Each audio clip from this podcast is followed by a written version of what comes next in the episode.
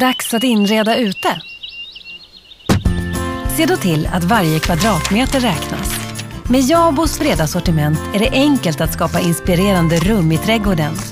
Det spelar ingen roll om du har en stor villaträdgård eller en liten radhustomt till ditt förfogande. Lycka till med ditt personliga projekt. Jabo. Skapa rum för mer. Ja, det som är roligt med, eh, med Lemcon det är ju att det finns olika typer av arbetsuppgifter. Om man tar en sån som Mikael Hillås till exempel som är uppe i Nordnorge och, och försöker kämpa med sin comfort zone uppe i bergen där och, och mätinstrument och, och liknande. Och sen har vi en som Jörgen Hylte som åker lullandes eh, ner till tyska låglandet och, och sköter den typen av verksamhet där då istället. Men det är ju ganska fräckt. Ja. Eh, Låt säga att de är ute på en eh, två, tre dagars tur. Kommer tillbaka så får man höra historier både från norra Skandinavien och, och nere i tyska låglandet. Ja. ja. Det måste vara fräckt. Men i Hillås, han ansvarar då för egentligen all försäljning i, i Det är ju egentligen, ja det kan man väl säga att eh, det är ju klart att det är mycket av det arbetet som sker av oss andra på plats Ja. här i Sverige också då. Men just den typen av möte och kommunikation. eh, det står han för. Ja, Ja. Och det är ju självvalt. Jag tänker på att han har väl, eh, om det var så att det var hans morfar som var norrman. Ja just det. Sådär. Så han har ju lite rötter och sådär. Ja. Så sen släkt och sådär i Norge. Han tycker ju det är skoj att komma upp och Ja. så han har väl varit framförallt uppe i Nordnorge han har varit då. Ja. Och i och med hans mm, utmana sin comfort zone och, och dyka på havsbottnar där uppe och så. Då har han gjort det under helgetid och så har han jobbat på vardagar och, och, och tagit sig en tur och kunnat kombinera de här två olika, både yrkesliv och eh, sitt privata äventyr. Då. Ja, just det.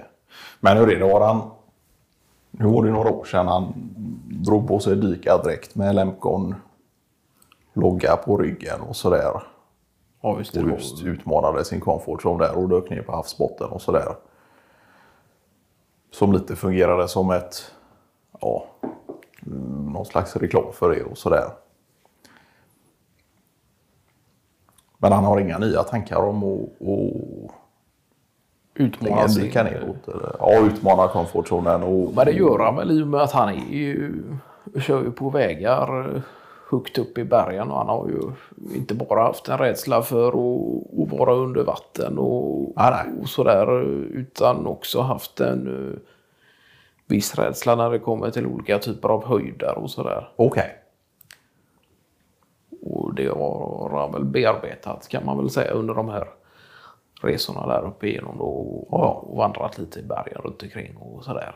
Men han har inte gett sig på klättring då och sådär? eh, För jag tänker att det hade också kunnat vara gynnsamt för er om han var I något sådant sammanhang. Ja, ställer, ja, drar på sig lite klättrarutrustning med Blemcon-loggor och sådär. Ja, just det. Och bestiger något berg eller något liknande och så får man lite publicitet via det då. Och det är väl nästan som man skulle skicka en eh, uppmaning eh, till det nästkommande resa för honom. Ja, Och gör man det så då, då kan han inte säga nej utan då är det bara ja nej, då är det faktiskt första vägen spirit till och- mission. Ja. Sen har väl i och för sig hans höjdrädsla inte varit den är väl likadan som alla så att eh, står man på väldigt hög höjd och tittar ner så kan det bera lite i kroppen. Utan, Ja, ja.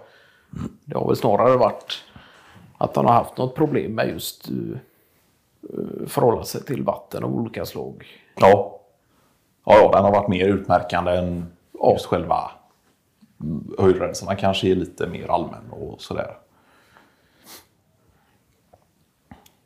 Men det är häftigt. Hon har lagt ut lite bilder och, och movies från detta på er hemsida och, och skrivit lite om, Ja, om detta. Så att när man klickar sig in då kan man ju se hur ja, vi försökte göra så som att vi, vi gör inte som en folder, men, men att man, om man klickar sig vidare där så kan man följa Lemcon Adventures då.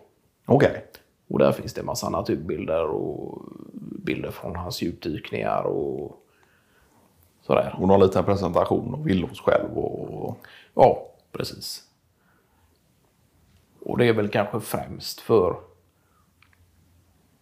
kundkontakter i, i Norge då. Så. Ja, just det. Och sen om vi skulle lägga upp några bilder på när Hylte spisar eh, korp och de syltar i tyska låglandet. Det är, ju- är väl då det är väl lite av ett frågetecken. Ja.